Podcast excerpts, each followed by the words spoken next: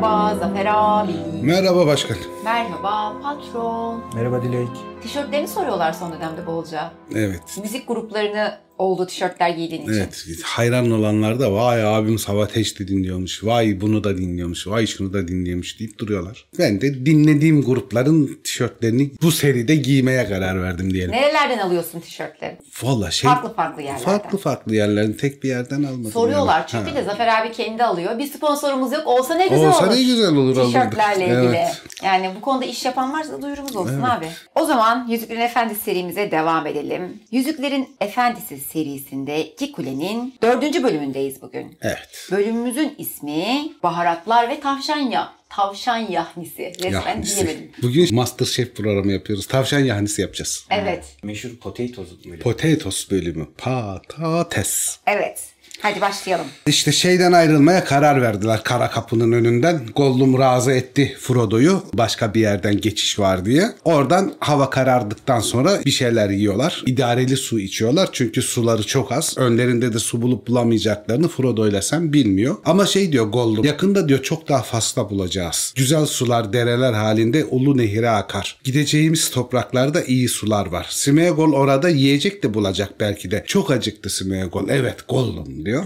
Sonra kolları falan çok zayıf olduğu için elleri normalden de büyük duruyor zaten elleri ayakları. Koca ellerini içeri göçmüş karnına bastırıyor. Hmm diye sesler çıkartıyor böyle. Gözlerinde de ufak bir yeşil pırıltı oluyor. Sonra çukurun kenarından güneye doğru yürümeye başlıyorlar. Engebeli bir arazi. Arkalarına baktıklarında Mordor'un dişleri denilen kapının yanındaki iki kuleden birinde kırmızı bir göz görüyorlar orada. Yani bir kırmızı ışık görüyorlar ve sanki kendilerini takip ediyormuş gibi hissediyor Frodo. Sanki o göz onlara bakıyormuş gibi. Muhtemelen filmdeki Barad-dûr'un üstündeki göz de buradan yorumlanarak şey yapılıyor. Aslında burada göz dediği göz şeklinde bir şey değil. Orada bir gözcü ateşi var. Onu kastediyor yani yazar. Orada bir göz şekli yok yoksa. Gitgide arkalarında kalıyor. Gitgide zayıflıyor o kırmızı göz rengi. İyice uzaklaştıktan sonra silikleşiyor ve belli bir mesafeye kat ettikten sonra o kırmızı göz uykusuz nöbetçiler tamamen arkada kalıyor. Gözükmüyorlar. Birkaç mil boyunca çıplak topraklardan falan yürüyorlar. Güney yolunun biraz solundan devam ediyorlar. Çünkü yolda yürümeye cesaret edemiyorlar. Gelen giden olur bir şey olur falan diye. O yüzden de biraz yürüyüşleri yavaş. Çünkü taştan topraktan yürümek zorundalar. Öyle devam ediyorlar. İlerledikçe gönüllerinde garip bir ferahlık hissediyorlar. O kara kapıdan uzaklaştıkça sanki biraz daha rahatladıklarını falan düşünüyorlar Frodo ile Sam. O korkuları falan biraz geçiyor. Gollum bunları sürekli şey diyor. Daha hızlı yürümemiz lazım, daha hızlı yürümemiz lazım falan. Çünkü neredeyse Gollum'un bahsettiği geçitle Maron'la arasında 30 fersah kadar bir yol olduğunu düşünüyor Gollum. Ve her seferinde belli bir fersah katledip 4 seferde o geçitin ağzına gelmeyi planlıyor. O yüzden de olabildiğince hızlı yürütmeye çalışıyor Frodo ile Sam'i. Şafak vakti falan artık oluşmaya başlayıp güneş kendini dağların arkasından hissettirmeye başladıklarında 8 fersah kadar yürümüşler yani aslında bayağı iyi bir yol kat etmişler. Ve artık güneşin altında zaten Gollum yürümüyor ama Gollum yürümeyi istese bile Sam'de de Frodo'da da o yürüyecek takat kalmamış. Tükenmiş durumdalar. Artmaya başlayan ışıkla şimdiden böyle o Efel Duat'ı kendilerinin doğusundaki o Mordor'un batı sınırını oluşturan dağları falan daha net görmeye başlıyorlar. Dağların arkasından da güneş biraz çıkmaya başlayınca dinlenme zamanlarının geldiklerini anlıyorlar. Yürüdükleri yolla Efel Duat arasında da böyle kararmış ağaçlar falan var. Böyle karanlık görünen korkutucu ağaçlar falan var gibi gözüküyor. Ve önlerinde de katır tırnağı, kızılcık ve tanımadıkları çalılardan oluşan salkım saçak fidanlık bir arazi var. Bunlar daha da güneye, daha da güneye ilerledikçe Mordor'un karanlığı artık eskisi kadar bunların üstünde hissedilmiyor ve bunlar yürürken falan daha temiz bir havaya ulaştıklarını, daha iyi bir şartlara doğru indiklerini fark ediyorlar ve bundan memnun kalıyorlar. Hatta Frodo şeyi düşünüyor. Kuzey topraklarında yani şair bölgesinde falan oldukları o yüksek yaylalarda falan mıyız diye hissetmeye başlıyor. Kadar rahatlıyor ama Sam de Frodo da şu gerçeklikten asla kopmuyorlar. Burası birkaç yıldır belki Sauron toprağı olarak biliniyor. O yüzden de binlerce yıldır Maron'un önündeki karanlık olmasa bile bura hala düşman toprakları. O yüzden de temkini elden bırakmıyorlar. Kendileri yola çıkmadan yolculuklarına devam ediyorlar. Gün huzursuz bir biçimde geçti diyor burada Tolkien. Artık güneş olmuş. Bunlar da fundalıkların oraya gölgeye saklanmışlar. Bir o tarafa dönüyorlar bir bu tarafa dönüyorlar. Güneşin güneşin açısına göre hareket ederek sürekli gölgede kalmaya çalışıyorlar. Frodo ya Gollum'a biraz güvendiğinden ya da artık hani kayıtsızlıktan hani ne olacaksa olacak rahatlığından bayağı derin ve havanın da temizliği dolayısıyla güzel bir uykuya dalıyor. Derin derin uyuyor ama Sam'i uyku tutmuyor. Hatta Sam Smeagol'dan Gollum'dan çekindiği için beyni yalnız bırakmak istemiyor. O tedirginlikle de uyku tutmuyor. Hatta Gollum horladığı zaman böyle tatlı tatlı kendi kendine dönüp mırıldandığı zaman yani derin bir uykuda olduğunu hissettirdiği zaman bile gözlerini kapatamıyor. Uykusuzluktan ölmesine rağmen. Sonra şey aklına geliyor. Acaba ben sadece Gollum'dan korktuğum için mi uyuyamıyorum? Yoksa karnım çok aç o yüzden mi uyuyamıyorum? Çünkü Lembas yeterli enerjiyi verse bile artık Sam bir ev yemeği, bir tencere yemeği istediğini fark ediyor. Şeyde demişti daha önceki bölümde. Karnımızı tok tutuyor ama lezzeti eksik geliyor artık. Hani bir yemek istiyorum ben, bir sıcak aş istiyorum falan. O aklına geliyor. Akşam olunca tekrar yola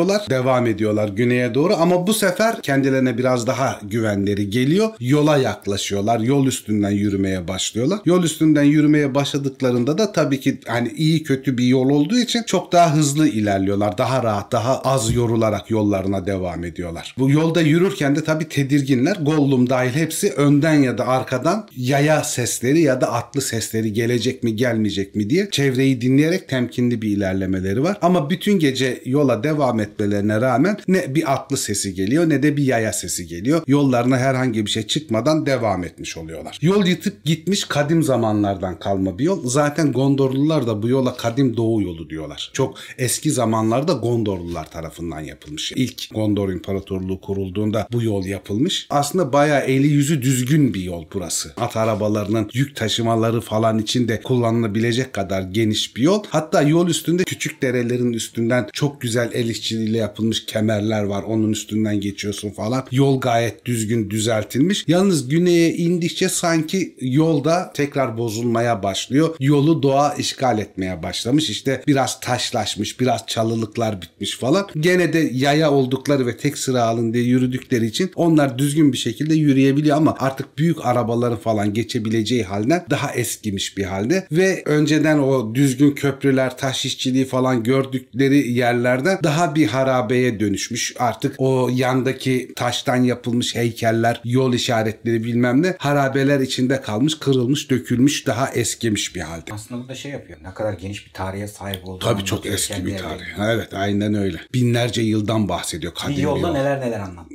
Adam bir fantastik yazardan öte edebiyatçı yani hakikaten. Tolkien değişik bir adam. Sonunda ilerleye yol artık arabaların geçemeyeceği bir şekilde kaybolmuş bir duruma geçiyor. Yalnız şöyle bir iyiliği oluyor. Yol genelde dolambaçlı devam ediyor bunların takip ettiği yol. Yol kaybolmaya başladığında artık düz bir hatta dönüşmüş durumda. O yüzden de daha hızlı bir şekilde mesafe kat edebiliyorlar. Burada henüz kendileri farkında değil belki Gollum biliyordur ama Frodo ile sen farkında değil. İnsanların bir zaman Adını verdiği yükselen ormanlarla hızlı akan ırmaklarıyla dolu latif bir ülke olan kuzey sınır boylarına varmış oluyorlar. Kuzeyden İtilien'e girmiş oluyorlar bu düz yolun sonunda. İtilien ayın ülkesi demek. İtil ay demek zaten daha önce de söyledik. İyen de ek ülkesi manasına gelen sonek yani İtilien de ayın ülkesi demek. Mesela Minas Tirith'in önündeki büyük araziye de Anarien deniliyor. Orası da güneşin ülkesi. Yani burada ayla güneşten daha ziyade hem doğunun hem batının efendisi Gondor'u gösterebilmek için bizzat Isildur tarafından Anarien ve İtilen diye adlandırılan Gondor'un doğu ve batı toprakları var. Daha çok hani yeryüzü işaretleri olarak değil bu hakimiyeti belirtmek, gücü belirtmek için konulmuş şeyler var. Çünkü Anarien de güneşin ülkesi demek. Gece yıldızlar ve dolunay altında güzelleşiyor İtilen'e girince. Daha bir açılıyor o karanlıktan falan kurtulmuş oluyorlar. İtilen zaten cennet gibi bir yer aslında. Şu anda biraz gölgenin altında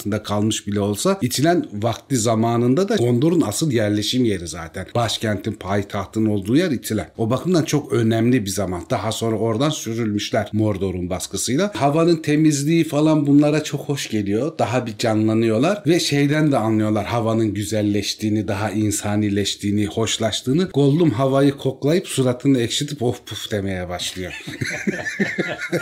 Hava güzelleştikçe Gollum bundan hoşlanmamaya başlıyor. Gün gökyüzünde açmaya başladığı zaman uzaklarda kaybolan uzun bir kavisle doğuya doğru devam eden dağlar artık iyice uzakta görünmeye başlıyor. Biraz Efel Duat'tan daha içlere doğru, daha batıya doğru yol kat etmiş durumdalar. Batıya döndükçe de ağaçlık ve çalılık, yeşillik bölgeleri görüyorlar. Bu da onların çok hoşuna gidiyor. Geniş açık alanlar var ve ormanlıklar, çalılıklar falan var. Çam, sedir, kara selvi, şairde bilinmeyen başka başka ağaçlar, kendilerinin o zamana kadar tanımadığı başka ağaçlar, küçük küçük korular, ormanlar falan oluşmuş önlerine baktıklarında ve yanda da böyle orkların falan değil ama insanların, hobbitlerin, elflerin hoşlanacağı rahayaya sahip kokuların falan olduğu çalılar falan var. İyice keyifleri yerine geliyor Frodo ile Sam'in. Çünkü normal topraklarda yürüdüklerini hissetmeye başlıyorlar. Ve şeyi anlıyorlar ki buradaki hava değişmiş. Yani bizim Yarma Vadi'den sonra kat ettiğimiz yolda henüz bahar gelmemişti bütün yol boyunca Lorien hariç. Hep kışın etkisi, hep karanlığın etkisi vardı ve diyorlar ki İtliyene artık bahar gelmiş. Çünkü etrafta canlı kuşlar falan da şakıyıp dolanıyor. Bulundukları yer güneyden ve batından Anduin'in ılık alçak vadilerine ve Kaş Minas Tirith'in doğusundan Pelargir limanlarından gelen ılık deniz havasına sahip nemli bir havaya sahip. Burada gene çevirmenimiz Çiğdem Hanım'ı takdir edeceğim bir şeyden bahsedeceğim. İşte diyor ki burada çok önceleri dikilmiş ve sonraki kuşaklar tarafından bakımsızlığa bırakılmış ister istemez Gondor oradan çekildiği için. Çok fazla ağaçtan oluşan orman vardı diyor önlerinde. İşte ardıçlar, mersinler, ılgınlar, kokulu sakız ağaçları, zeytin ağaçları, defne ağaçları, çalılıklar, ada çayı, mercan köşkleri, maydanozlar, semin irfanını geçen bahçe bitkileri, kaya koruğu, taşkıran çiçeği, anemonlar, fındık otları, çiriş otları, zambağa benzer çiçekler, Anduin'e yaptıkları yolculuk sırasında dinlendikleri serin çukurlarda toplanan su birikintilerinin yanında koyu yeşil bir şekilde açmışlardı. Şimdi buradaki kimi çeviriler tabii ki Tolkien bunları kaya koruğu diye falan adlandırmıyor. Çiğdem Hanım muhtemelen botanikte çalışmış bu çevirileri yaparken ya İngilizce yazmıştır ya da Latince isimlerini yazmıştır Tolkien orijinal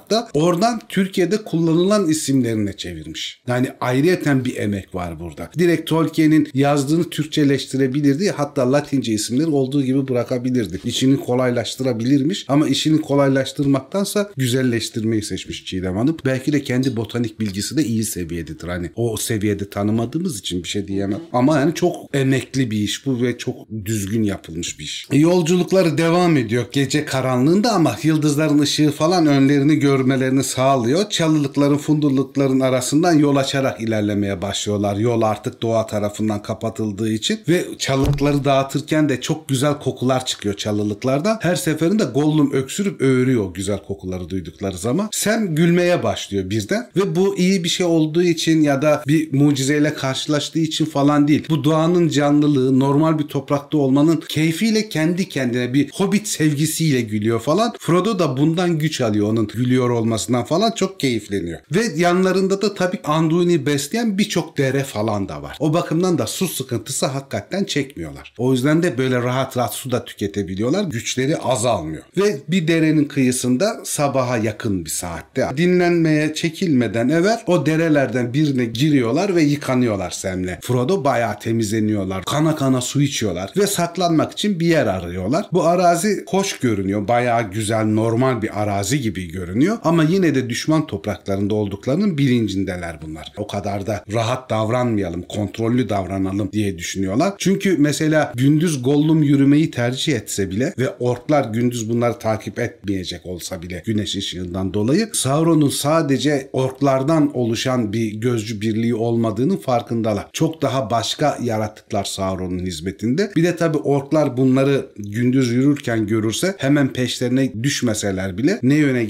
gittiklerini bilecekleri için gece başlarına bela olacaklar. O yüzden de yolun biraz iç kısmına çekilerek fundalıkla çalıklar arasında saklanalım. Yolda gözükmeyelim, tedbirli olalım diye düşünüyorlar. Çevreye baktıklarında gözün kötü işaretlerinin kazındığı duvarlar falan görüyorlar. Zamanında burada çatışmalar falan olmuş. Onu fark ediyorlar. Sem o yıkanma ve bir şeyler yemeden sonra bir çevreyi kolaçan edeyim diye yürüyüşe çıkıyor. Çok fazla uzaklaşmadan efendisinden ve Gollum'dan. Yürürken böyle üstünü senin sedir çalılarını falan kapattığı bir taş ocağa takılıyor ayağı ve ocağın içinde böyle yer yer kırılmış, kemirilmiş, etten tamamen sıyrılmış, ateşin içinde kavrulmuş kemikler ve kafa tasları görüyor. Burada orkların bir ziyafet çektiği, belki kendi türlerinden belki de insanlardan bir yemek yapıp yediklerini falan fark ediyor ve orada iyice ayılıyor. Yani buralar o kadar da güvenli topraklar değil. Bundan diyor efendiye bahsetmeyeyim diyor. Hem morali bozulmasın hani böyle korkunç bir şeyden. Hem de diyor Gollum duyarsa Gollum'un ne yediğini bilmiyoruz. Gelir bu kemikleri rahatsız eder. Belki kemik yemeye kalkar. Bunlar huzur içinde burada yatsınlar diye bu rastladığı durumu efendisine de Gollum'a da anlatmıyor. Yalnız şey diyor yatarken ya diyor tamam hani yatalım dinlenelim gündüz geldi yürümeyeceğiz ama lütfen benim hatırım için biraz daha yukarılarda bir yerde yatalım. Hani o bölgeden de biraz uzak kalmak istiyor. Zaten yer yer kalmış taş duvarlardan bilmem nelerden de o mızrakların, okların çenttiği yerler falan belli. Burada bir zamanında savaş olduğu belli. Gölcüğün biraz yukarısında böyle bir yıl öncenin eğrelti otlarından oluşmuş derin kahverengi bir yatak buluyorlar. Eğrelti otları iğneli olmadığı için üstünde yatabiliyorlar. Biraz saman yığını gibi düşünülebilir. Kara yapraklı defne ağaçları, yaşlı sedir ağaçlarıyla çevrelenmiş bir tepenin dibinde bu buldukları yer. Burada dinlenip hem sıcaktan korunacaklar hem gözlerden ırak olacaklar hem de Gollum gece yürüyeceği için güneşin batmasını bekleyecekler. Abi araya hemen şey bu kadar botaniği niye?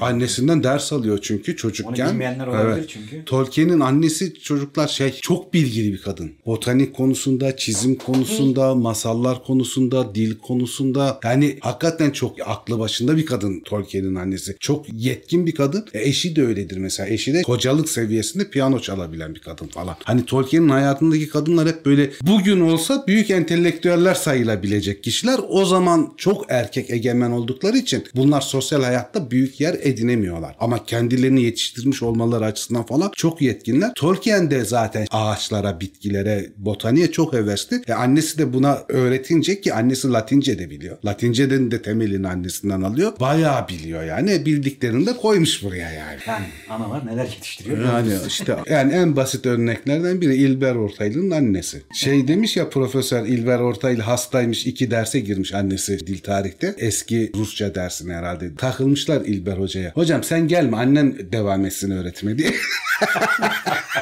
O yüzden kadınlarımıza ricamızdır. Kendinizi geliştirin. O Tamam. zaman toplum daha iyi. Aynen öyle. Kadın ne kadar yüksekse toplum o kadar yüksek olur abi bu iş böyle yani. Neyse ki çok şanslısınız hayatınızda benim gibi bir Evet. var.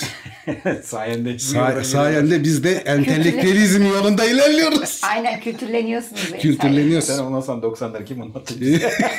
O da tarihin bir parçası. evet 30 yıl geçmiş üzerinden tarihin bir parçası. Utanamazsınız kendi, kendi geçmişinizden de. Tabii o, her belge 30 yıla kadar potansiyel arşiv belgesidir mesela. 30 yılı doldurdu mu arşiv belgesi olur. 30 yılı geçtik. Demek ki 90'lar arşiv belgesi Yani. niteliğinde. Değil mi? Doğru. Yürürlerken böyle sen artık şeyi düşünmeye başlıyor. Biraz da rahatlıyor ya. Ya diyor belki umduğumuzdan erken gideriz ateşe. Yüzüğü yok ederiz falan. Şimdi diyor efendi kadar umutsuz olmaya falan gerek yok. O Moranlı'nın önünde hani biz buradan geçerken kesin öldürüleceğiz diye düşünüp anormal umutsuz olduğu zamanki gibi karanlık düşüncelere dalmamıza gerek yok diyor. Elimizde diyor ne kadar yiyecek var. Çevreden yiyecek bulabilir miyiz? Belki görevi tamamlar geri döneriz. Hani diyor bizim efendi razı olmaz ya. Belli mi olur diyor. Belki diyor görevi tamamlamamız gerekmez geri döneriz. Bu yiyecek işini halletmemiz lazım diyor. Lembas'a bu kadar yüklenmememiz lazım. Çünkü diyor en fazla 3 hafta yetecek yiyecek diye hesapladığımın üstünden diyor 6 gün geçti. Yani artık 2 haftalık bir lembas stoğumuz var. O bakımdan diyor bu yiyecek işini halletmemiz lazım. Frodo gibi diyor umutsuz davranmayalım diyor. Geri dönüş planlamasını yapalım. Uzun bir gece yürüyüşünden sonra dere olduğu için tekrar yıkanıyorlar. Kendilerine geliyorlar. Banyo, temizlikti, yüzmekti.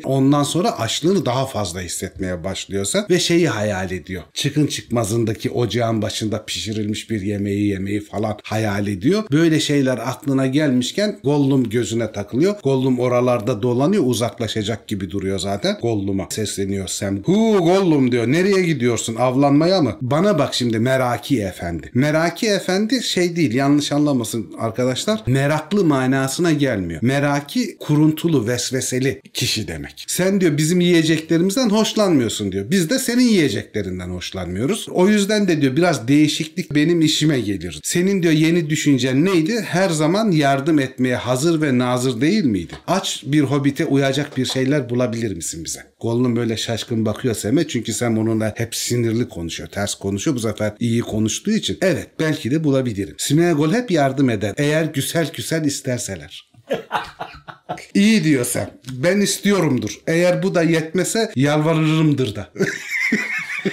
Gollum gözden kayboluyor bunu dedikten sonra. Bir süre geri dönmüyor. Frodo da bir iki lokma lembas yiyor ve ondan sonra o sararmış eğrelti otların oraya gidiyor. Üstüne uzanıyor. Uzanır uzanmaz da zaten perişan durumdalar. Çok yorgunlar. Frodo uyumaya başlıyor. Sabahın ilk ışıkları doğmaya başlamış durumda. Gölgelerin o taraflarda Frodo uyuyor. Yüzüne ufak bir kızıl ışık düşünce Sam efendisine bakmaya başlıyor. Frodo'nu Amansul'da Nazgül Kralı tarafından ölümcül yarayı aldığı zamandan Elrond'un evinde uyanmadığı zamanları hatırlıyor ve ondan sonraki fiziki durumunu hatırlamaya başlıyor. Sonra Sam nöbet tutarken Frodo'nun böyle içinden sanki bir ışık yayıldığını, Frodo'nun ışıdığını falan gördüğünü düşünüyor. Diyor ki efendinin içinden bir ışık çıkıyor. Başka bir şeye dönüştü. Ayrık Vadi'den ayrıldıktan sonra inanılmaz derecede genç duruyor. Ama buna rağmen çok da yaşlı duruyor. Hani sanki kırışmak ya da ne bileyim ellerin büzüşmesi, boynun küçülmesi, yaşlılık belirtileri öyle değil de hala çok genç olmasına rağmen o yılların üstünde biriktirdiği zamanı görür gibi. Sanki efendisi çok genç bir durumda fiziki olarak ama o birikmiş zamanı kendi suratında fark ediyor. Diyor ki ben bunu diyor doğru düzgün anlatamam. Hani ben bunu nasıl tarif edeceğimi bilemiyorum. Şunu diyebilirim diyor kelimelerin bütün faydasızlığına rağmen onu seviyorum. Böyle işte o. Bazen her nasılsa içindeki parlayıp dışarı sızıyor ama ben onu seviyorum. Öyle olsa da olmasa da. Yani ben burada bir hayal de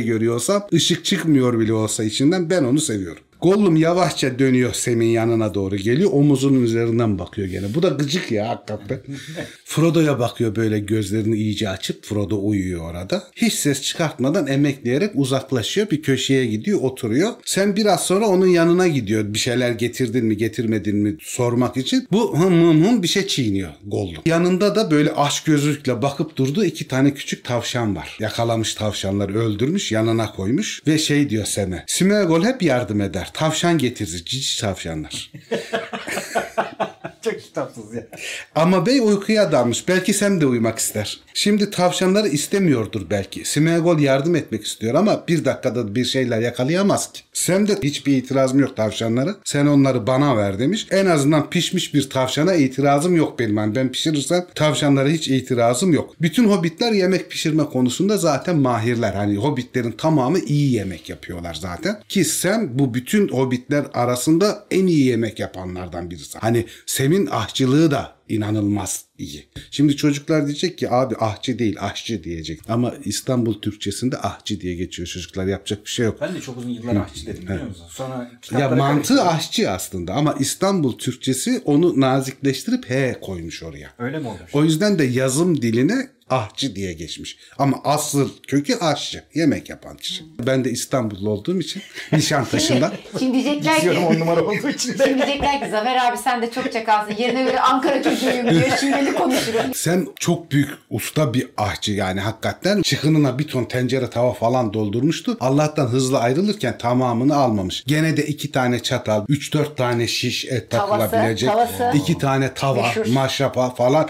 Bir de çantanın diplerine doğru büyük bir hazine olan bir parça tuzu var. Tuzunu da yanında getirmiş yani. Sonra bıçağı çıkartıyor tavşanları soymak için. Onu bir temizliyor falan. Gollum'un gözler açılıyor bıçağı çıkartıp temizleyince. Temizlerken şey aklına geliyor. Ben diyor ateşe, yemeğe bilmem neye dalacağım. Şimdi diyor bizim bey de uyuyor. Gollum'a güvenemiyor. Arkamı döndüğümde ne yapar ne eder. Efendiden hani yüzüğü çalar kaçar bilmem ne diyor. Ona diyor bir iş uydurmak lazım. Gollum'a sesini. Gollum diyor sana diyor bir iş daha buldum ben. Git diyor şu tavalları diyor suyla doldur. Smeagol su getirecek. Evet diyor Gollum. Ama Hobbit bütün bu suları ne için istiyor? Suyunu içti yıkandı da. Bundan sonra ben bütün işleri böyle Gollum gibi söyleyeceğim ya. Evet şimdi su getirecek. evet şimdi çay yapmaya gidiyor. Göstere göstere. Sam de şey diyor senin aklın ermez bu işlere diyor. Eğer tahmin edemediysen birazdan görürsün ve suyu ne kadar çabuk getirirsen o kadar çabuk öğrenirsin o suyla ne yapacağını. Tavalarımdan birine bile ziyan getirsen seni kıyma gibi doğrar. Gollum uzaklaşınca Sam Frodo'ya bir kez daha bakıyor. Yani hala uyuyor mu falan. Sakin sakin uyuduğunu görüyor. En çok yüzünün ve ellerinin zayıflığı dikkatini çekiyor bu sefer. Sam şey diye düşünüyor. Bir hobbit için bu kadar zayıflamak hiç doğru bir şey değil. Çünkü hobbitler genelde en azından tıknaz oluyorlar. Yani şişko olmasalar da etli ve göbekli oluyorlar. Bir hobbit göbeği oluyor çocuk. Eğer diyor tavşanı diyor pişirebilirsem onu uyandırayım. Tavşandan yesin biraz kendine gelsin falan. Bir kucak dolusu kuru eğrelti otu topluyor. Sonra da bir yığın çalı çırpı topluyor tepeden yanına getiriyor. Taşlardan küçük bir ocak yapıyor yani üstüne tavaları koyabileceği. Tüm eğrelti otlarını ocağın içine yerleştiriyor. Kav ve çakmakla ateş yakma konusunda da yetkin birisi. Sam yani kavı rahat kullanıyor. Artık günümüzde kavla bir şey yapmak çok zor. Yani hakikaten bir alışkanlık ister kavla yakmak. Hatta hala bu meraklılar klasik çakmaklarda kav kullanılır kav çakma ama zordur onun kıvılcımını falan denklemek. Ama hani sen becerikli bir konuda zor iş kavla bir şey yakmak. Ama çok kolay bir şekilde yakıyor. Bir de özellikle kuru malzemeler seçtiği için hemen tutuşuyor. Tutuştuğu gibi de neredeyse hiç iz çıkartmıyor. Yani ona göre seçmiş yaktığı malzemeleri de ama mis gibi sedir ağacının kokusu yükselmeye başlıyor. Ateşi yaktıktan sonra Gollum tavalları dikkatli bir şekilde buna doğru getirirken kendi kendine de mırıldanıyor Gollum. Sinirlenmiş gibi böyle. Tavaları yere bırakıyor. Sem'in ateş yaktığını görünce ince tıslayan bir sesle hem korkmuş hem kızmış bir şekilde ah yo diye bağırıyor. Yo aptal hobbitler salak evet salak böyle yapmamalılar diyor. Ne yapmamalıyım diye soruyor sen. Ateş ateş tehlikeli evet tehlikeli yakar öldürür ve düşmanları getirir evet getirir diyor. Sam de diyor ki zannetmiyorum diyor. Öyle olması için bir neden göremiyorum. Tabi eğer diyor sen üstüne su mu döküp duman çıkmayan ateşi boğup da çok fazla duman çıkartmazsan diyor bu ateş gözükmez. Ama düşmanları çekerse de çeker diyor. En azından bu riski göze alacağım. Ben tavşanları pişireceğim diyor. Yani burada bir tavşan yanisi yapacağım. Tavşanları pişirmek mi diyor Gollum. Smeagol'un size ayırdığı güzelim etleri bozacaksınız. Safallı aç Smeagol. Ne için? Ne için salak hobbit?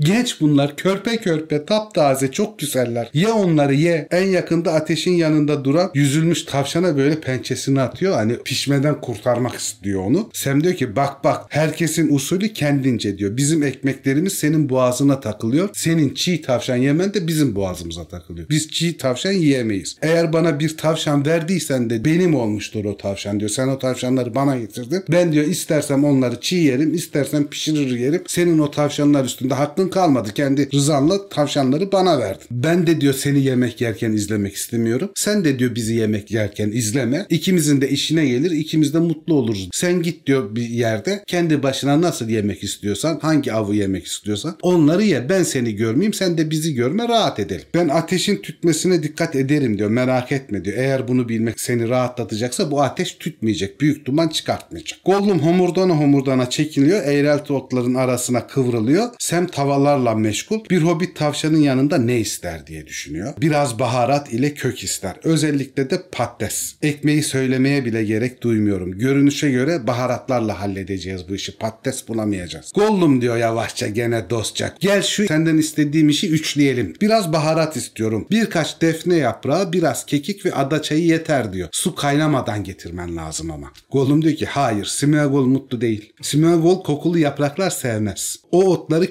kökleri yemez. Hayır kıymetli. Açlıktan ölmüyorsa veya çok hasta değilse yemez. Zavallı Smeagol. Smeagol sıcak su içinde bulacak kendini bu su kaynadığında eğer ondan istenileri getirmezse diyorsam. Semon'un kafasını kaynar suya sokacak.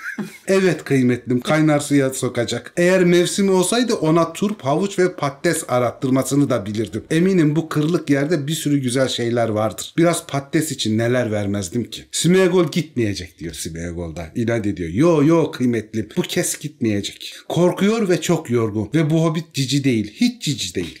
Smeagol kökler, havuçlar ve patatesler için toprağı eşelemeyecek. Patates nedir kıymetlim ha? Patates nedir?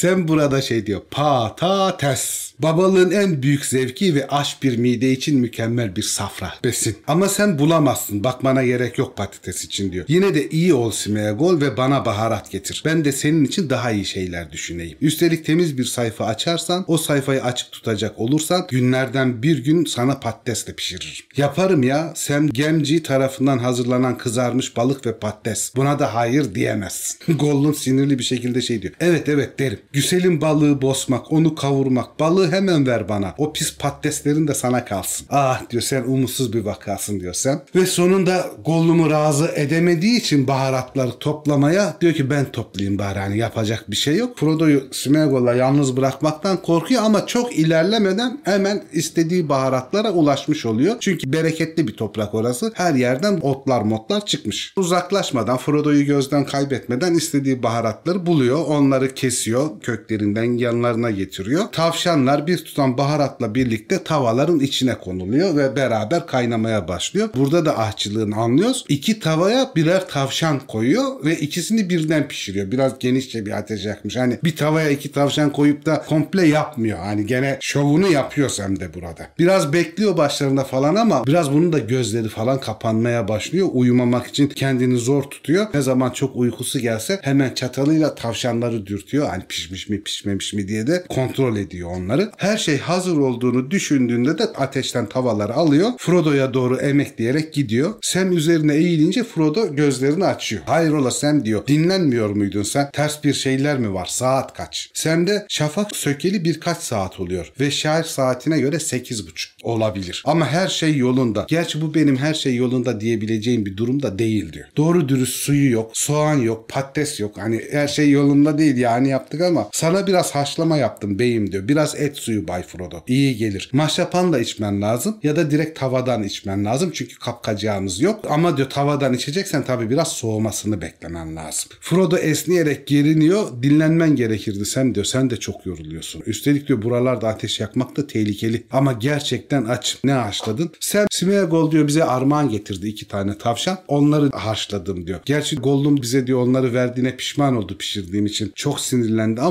gene de onları pişirebildim. Hem de diyor biraz baharat da bulabildim. Biraz da tuzumuz vardı. Yani iyi kötü bir haşlama yapabildik. Sam'le Frodo eğrelti otların öbeğinin hemen kıyısına oturup eski kaşık ile çatalı paylaşarak birbirleriyle hem suyundan içiyorlar hem etinden yiyorlar. Ve yanlarında da yarımşar ev peksimeti tüketiyorlar ekmek Ekmeğiyle yerine. yiyorlar yani. Ekmeğiyle yiyorlar yani. Sam gene dayanamıyor. Diyor ki "Şş, Gollum diyor haydi diyor hala fikrini değiştirebilirsin. Gel diyor sen de ye tadına bak başka bir tat al falan diye. Ama Gollum etrafta yok cevap gelmiyor. Herhalde diyor kendisine başka bir şeyler bulmak için gitmiştir. Neyse biz bitiririz geri kalanını nasıl olsa yemiyor. Frodo da diyor ki sonra da diyor senin biraz uyuman lazım Sam diyor. Yani ben uyudum yeterince sen de biraz uyu. Ben diyor kestireceğim de efendim ben uyurken diyor lütfen sen ayakta kal. Çünkü diyor hala leş kısmı yani Gollum kısmı diyor bana baskın gibi geliyor. O yüzden tehlikeli diyor ikimizin birden Smeagol'un yanında uyumamız. Eline geçen diyor ilk fırsatta zaten bana çok gıcık. Size bir şey yapmasa bile beni öldürür. O bakımdan da ben uyurken mümkünse diyor sen uyuma kolaçan et Gollum ne yapıyor ne ediyor diye. Benden memnun değil. O yo kıymetlim hiç memnun değil.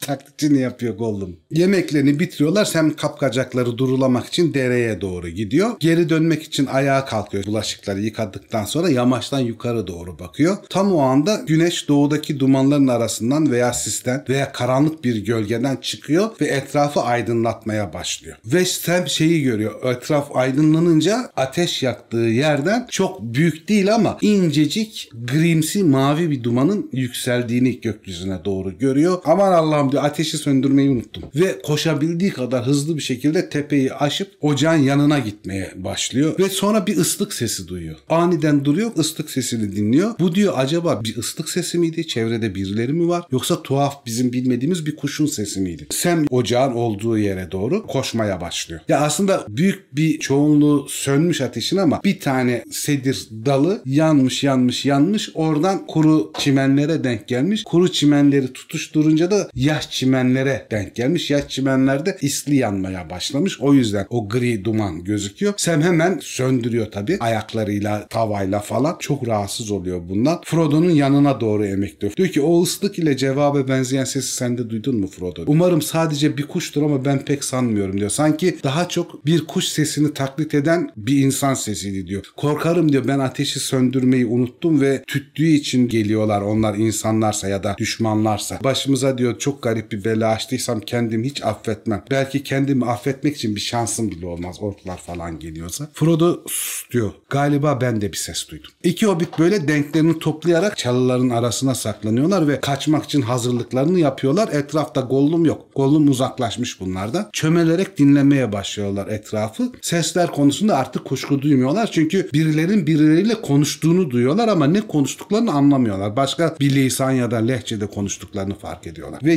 gitgide seslerinde onlara doğru yaklaştığını görüyorlar. Sonra oldukça ani bir şekilde bir tanesi çok yakından konuşuyor ve bu sefer anlıyorlar konuştuğu şeyi. Dumanın çıktığı yer burada diye sesleniyor birisi. Buralarda bir yerde eğrelti otların arasına saklandılar kesin diyor. Hani orada kalabalık çalıyı görünce. Kapandaki tavşan gibi yakalayacağız onları. Sonra da ne mene bir şey olduklarını anlayacağız. Bir başkası öyle. Ayrıca neler bildiğini de öğreneceğiz diyor ikinci ses. Aynı anda eğrelti otlarının değişik yönlerinden dört kişi onlara doğru yaklaşmaya başlıyor. Artık kaçmak ya da saklanmak mümkün olmadığı için bu iki armut dört askere karşı kılıçlarını çekip sırt sırta verip bekliyorlar. Savaşacaklar bunlarla. Ve minik kılıçlarını diyor özellikle burada. Çünkü Sting de aslında elf kaması kılıç değil. Hobbitlere göre bir kılıç. Eğer gördükleri karşısında diyor şaşırmışlarsa bu dört adamı gördükleri için bu dört adam bunları gördükleri için daha da çok şaşırmışlardır. Çünkü hani hobbitler çok bilinen bir tür değil. Küçücük adamlar ellerinde kılıçlar falan. Çocuk desen değil, büyük adam desen değil. Çirkin, garip, abuk yaratıklar da değil. insan gibiler aynı falan. İkisi geniş, parlak başlı mızraklar taşıyorlar bu dört askerin. İki tanesi de boyları kadar uzun yaylar taşıyorlar ve sadaklarında da yeşil tüylerden oluşmuş oldukça uzun oklar var. Ve dördünün de ayrıyeten silah olarak kılıçları var. Ellerinde zırhtan örülmüş eldivenler. Yeşil ve kahverengi giyinmişler. Sırtlarındaki pelerinler kahverengi falan. Çok babayı, çok uzun boylu, geniş omuzlu böyle asker gibi asker olan adamlar. Ve kafaları tamamen yeşil bir kar maskesi gibi bir şeyle kapalı. Sadece gözleri açık. Gözleri de koyu renkte olduğunu fark ediyorlar. Senin çeteden mi yoksa ya? çete. Bir ba- baba yiğit dedi çünkü. Barahir çetesinin uzantısı bunlar işte. Bunlar bizim sonraki nesildir. Sonraki nesiller. Frodo bunları görünce ve konuşma şekilleri falan diyor bu Boromirlerin tayfa herhalde. Ona çok benziyor. Aradığımızı bulmadık dedi biri. İyi de ne bulduk? Hani bu aradığımız bu değil de ama ne bulduğumuzu bilmiyoruz. Ne menen bir şeydir. Ne menen bir şey. Ork değiller diyor bir tanesi de. Frodo'nun elindeki Sting'in pırıltısını görünce tutmuş olduğu kılıcın kabzasına falan da bakıyor. Bu insan kılıcı değil. Elfler mi acaba diyor bu. Hani elf O kadar kılıcı taşıyan o kadar. Hayır diyor elf değil diyor bir başka asker. En uzun olanları ve görünüşe göre de komutanları bu. Çünkü onun lafını dinliyorlarmış gibi gözüküyor. Elfler bugünlerde diyor itilen de dolaşmaz zaten. Onların dolaşacağı yerler değil buralar. Ayrıca elfleri seyretmeye de doyamazmış insan. Ya da öyle söyleniyor. Sen bozuluyor tabii buna. Ben de bozulurdum yalan yok. yani biz öyle değiliz diyorsun.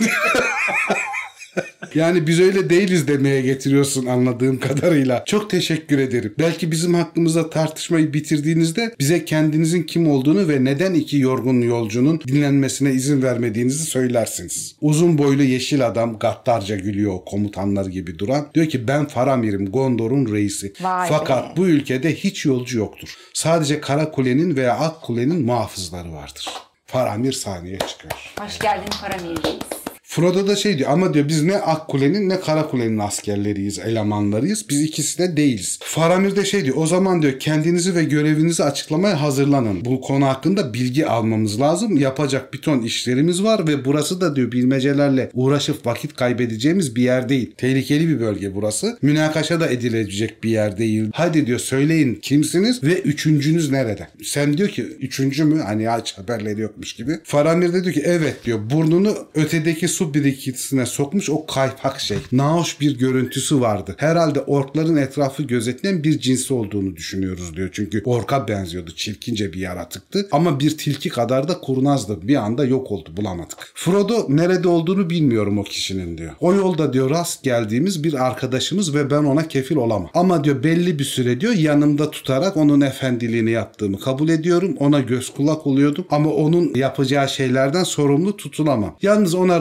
rastlarsanız lütfen öldürmeyin. Ya bize getirin ya da bırakın kendi yoluna gitsin. O diyor garip, sefil, derbeder bir yaratıktır. Orkta değil ama. Bize gelince bizler uzaklardan, kuzeyden, batıdan bir sürü nehrin, bir sürü ormanın arasından şairden gelen hobbitleriz. Ben Drogo oğlu Frodo. Bu da diyor benim kadim dostum ve hizmetimdeki saygıdeğer bir hobbit olan Hanfast oğlu Samwise. Uzun yollardan geldik. Yarma Vadi'den. Sizin deyiminizle İmladris'ten diyor. 7 tane diyor yol arkadaşımız vardı İmladris'ten çıktığımızda. Bir tanesini Moria'da kaybettik. Diğerlerini de Rauros çağlayanlarının orada Park Galen'de. İkisi diyor benim cinsimden hobbitti. Bir tane elf bir tane de cüce vardı. İki tane de insan vardı. İnsanlardan biri Aragon ile güneydeki şehir Minas Tirith'ten geldiğini söyleyen Boromir'di. Hepsi birden şaşkınlığa düşüyorlar askerlerin. Boromir mi dedi falan diye. Faramir de şey diyor. Hükümdar Denethor'un oğlu Boromir mi? Faramir'in yüzünde garip sert bir ifade beliriyor böyle. Onunla mı geldiniz diyor. Eğer doğruysa buna haber denir işte. Bilin ki minik yabancılar o Denethor'un oğlu Boromir Akkule'nin yüksek muhafızıydı. Bizim başkomutanımız, reisimiz. Onun eksikliğini ta içimizde duyuyoruz. Siz kimsiniz o halde ve onunla ne ilginiz var? Çabuk olun çünkü güneş tırmanmakta artık hava aydınlanmaya başladı. Frodo da diyor ki Boromir'in Yarma Vadi'ye getirdiği bilmeceyi biliyorsunuzdur o halde siz de diyor. Kırılmış olan kılıcı ara onu İmladris'te bulacaksın.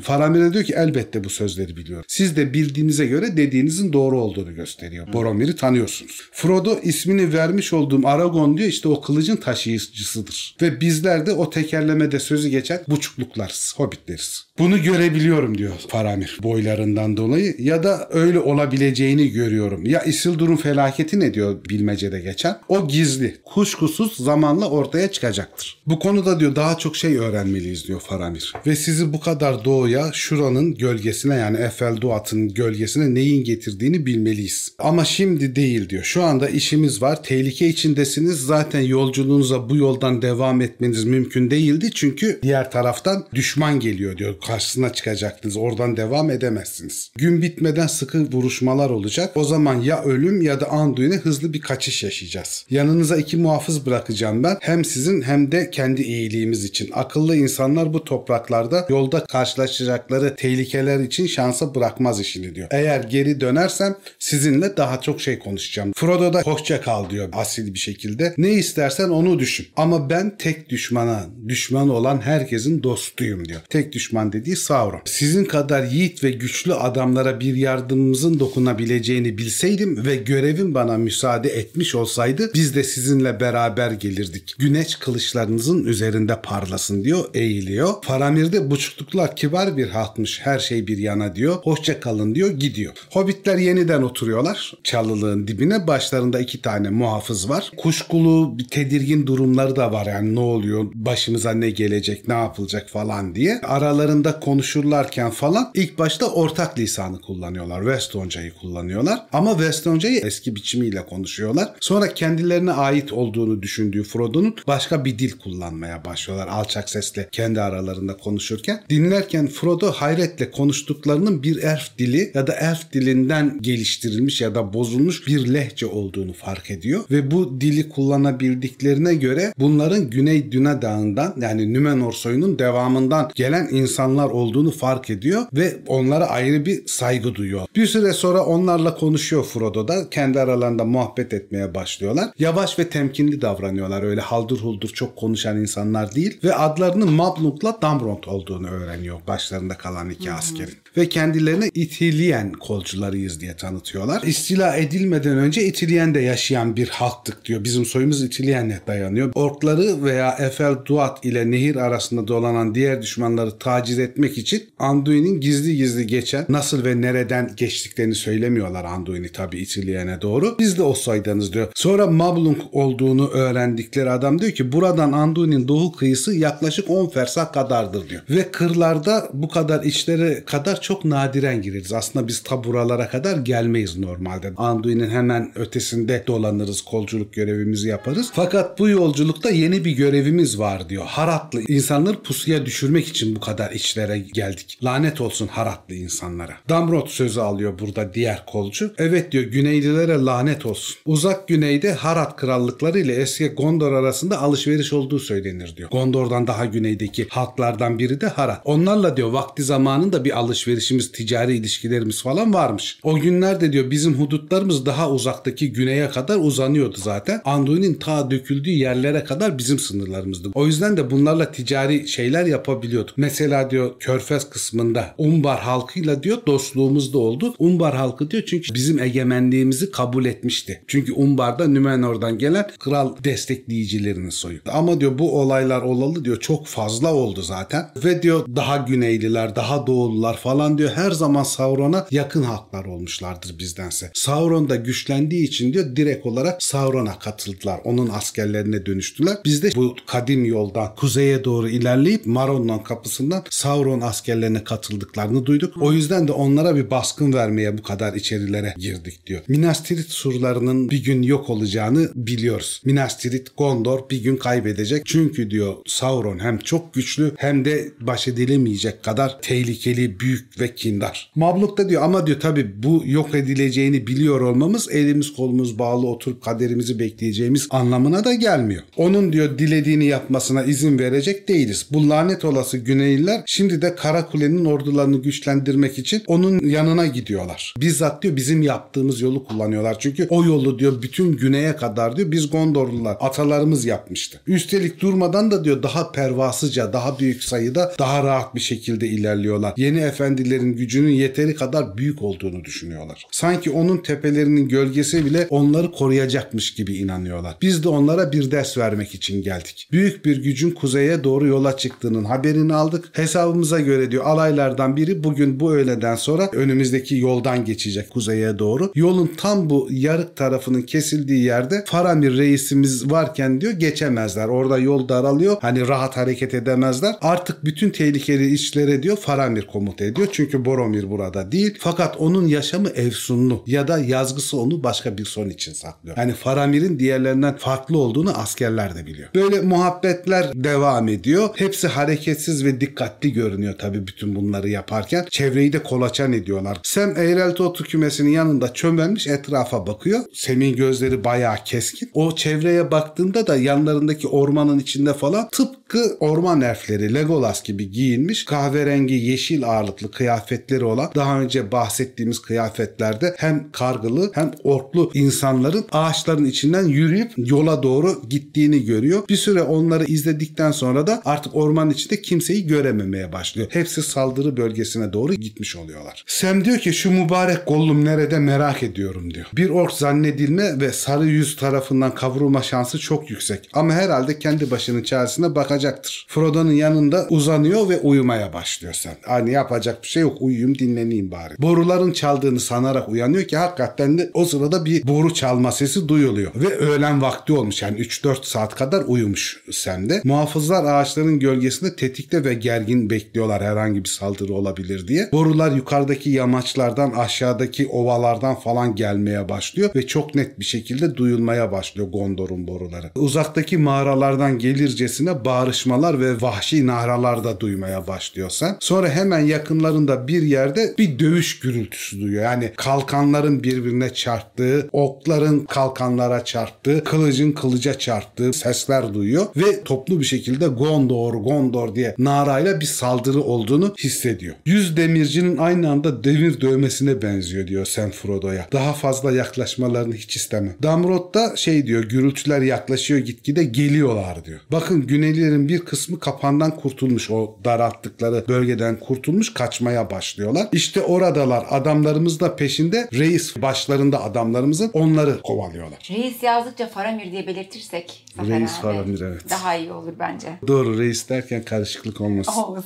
Neler olup bittiğini görmek isteyensem artık merakına yeniliyor. Hani bir bakayım ne oluyor ne olmuyor diye gidiyor muhafızların yanına onların yanında durmaya ve oradan alanı gözlemeye başlıyor. Böyle yeşillere kahverengilere bürünmüş savaşçılar kırmızı elbiselere ve zırhlara bürünmüş böyle korkunç görünüşlü vahşi adamları kovalıyorlarmış gibi geliyor ve yakaladıkları yerde o adamları biçiyorlar, öldürüyorlar. Sonra aniden bulundukları çukurun kenarında bir adam ince bir ağacı ezerek neredeyse tam tepelerin üstüne düşüyor ağaçlar. Birkaç metre önlerinde eğrelti otlarının üzerinde altın yakasından altından yeşil ok tüyleri çıkan bir adam yüzü koyun yatıyor yüzünü göremiyorsa ama bir itilen kolcusunun okuyla öldürüldüğü belli. Birçok yeri parçalanmış kızıl giysilerinin birbiri üzerine binmiş pirinç levhalardan yapılmış üst zırhı da yırtılıp dağılmış böyle perişan bir halde siyah saç örgüleri var cesedin arkadan gördüğü kadarıyla o örgüler bile kana bulanmış kahverengi eli kırılmış bir kılıcın kabzasını kavramış ölmüş bir şekilde yatıyor. Sam'in gördüğü bu ilk insanın insanla savaştığı bir durum. Daha önce Sam insanın insanla savaştığı bir durum hiç görmemiş. Ve bu hiç hoşuna gitmiyor Sam'in. Ölü yüzü görmediği için de çok memnun oluyor. Hatta adamın yerine kendini koyuyor. Günün moda tabiriyle empati kuruyor. Diyor ki bu adam acaba hakikaten çok gönüllü, inanmış bir asker miydi? Yoksa asker olduğu için mecburen Sauron kuvvetlerinde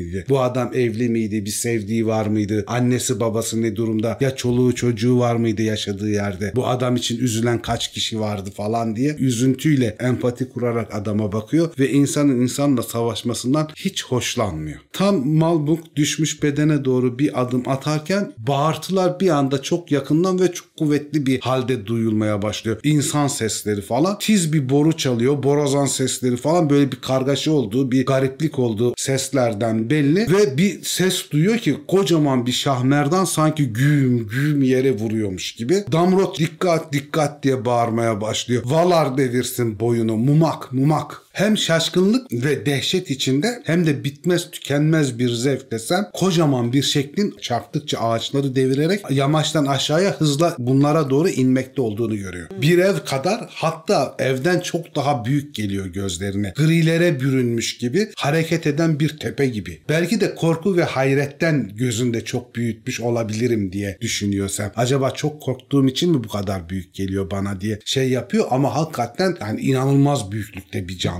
bu. Harad'ın mumakları gerçekten de iri cüsseli hayvanlardı ve bir benzeri daha orta dünyada görülmemiştir. Daha sonraki günlerde yaşayan akrabaları ise onların o muhteşem büyüklüğünün ihtişamlarının sadece bir gölgesine dönüşmüşlerdir diyor. Mumak dediklerimiz füller çünkü. Sam fül görüyor yani. Heh. O da oluyor. İstediği o da oluyor. Hemen başlasaydı şiire böyle. Ee, he, bir Durduk elini yere. arkasına atıp şöyle koca bacakları ağaç gibi bu hayvanın onları sadece birkaç merçte yakınından geçiyor. Uzun burnu saldırıya kalkmış bir şekilde hortumu ileride sağa sola çarparak devam ediyor. Yukarı dönmüş boynuzumsu dişler altından şeritlerle bağlanmış dikenli bir şekilde getirilmiş. Üstünde bir semer gibi devasa bir durum var. O semerden de okla vurulmuş sallanan sürücüleri sarkmış böyle kanlı bir şekilde ölü. Bu da savaştan ve yöneticilerin ölmesinden artık kendi başına karar vererek hızla koşuyor ve çıldırmış gibi. İçilen kolcularını da öldürüyor önüne gelirse. Haratlı askerleri de parçalayarak geliyor. Artık o beyaz dişleri falan kana bulanmış durumda. Sağa sola çarpa çarpa milleti öldüre öldüre geldiği için. Öldürmek için ok falan da atıyorlar tabii bunlara. Filmde gördükleri gibi değil çocuklar bunlara ok işlemiyor. O kalın derilerine çarpıyor ve geri sekiyor. Okla yaralanamıyorlar bile. Boynunun tepesinde bir yerlerde minik bir şekil hala umutsuzca tutunmaya çalışıyordu diyor. O da mumak sürücülerinden birisi hala orada mumağın tepesinde durmaya çalışıyor. Kocaman bir savaşçının bir Svertirk'in dev bedeniydi bu. Yani füllerin. Hayvan su birikintileri ve çalıklardan gözü dönmüş bir halde geçip gidiyor. Oklar böğrüne üç kat derisine işlemiyor ve bu yanlarından önüne çıkanları devirerek dümdüz ilerliyor ve uzaklaşıyor. Sam'in ve Frodo'nun yanından geçip. Sam de mumağı bu kadar yakından gördüğü için fülleri inanılmaz derecede korkmasına rağmen çok çok memnun oluyor ve ta gözden kaybolana kadar da bunun peşinden izliyor mumağı. Sen öykü boyunca Alice Harikalar Diyarındaki Alice gibi gerçekten. Evet. Sürekli bir anlamda. bir anda öyle şaşkınlıkla her yeri görüyor, Görüyor. ama. Bu mumağın kaçıp uzaklasan savaş yerinden giden mumağın başına ne geldiği hakkında bundan sonra herhangi bir bilgimiz olmuyor. Acaba gitti bir yerlerde açlıktan öldü mü? Yoksa Mordor'a kadar gidebildi mi? Ya da bir şekilde hayatına itilen ormanlarında devam edebildi mi? Bu hayvana ne olduğunu bilmiyoruz. Hiç kimse de bilmiyor. Ama fena da hızlı değiller yani. Çok uzun da sürmüyor gözden Bir tane kaybolması. gördüler ama Bir tane mi? görüyor soruyorlar ona. Sam derin bir nefes alıyor füldü bu diyor. Demek ki fül diye bir şey varmış ve ben bir tanesini gördüm. Ne hayat ama.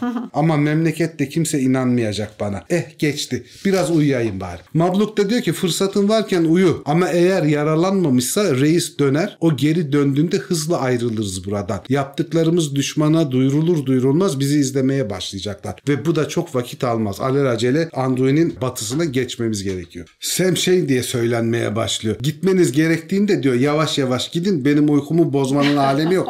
Bütün gece yürüdüm ben diyor. Mabluk gülmeye başlıyor. Reisin seni burada bırakacağını zannetmiyorum efendi Samwise. Ama kendin görürsün zaten diyor. Abi reisi tek başına söyleme demedim Reis mi? Faramir'in seni burada bırakacağını zannetmiyorum diyor. Zaten kendin de görürsün. Evet bir bölümün daha sonuna geldik. Bu bölümde Samwise bu sefer de Mumak gerçekten mumak gördü. Yani görmeyi isteyip de görmediği hiçbir şey kalmadı galiba. Görmeyi istemediği şeyleri bile görüyor işte. Sherlock görecek. gibi değil mi?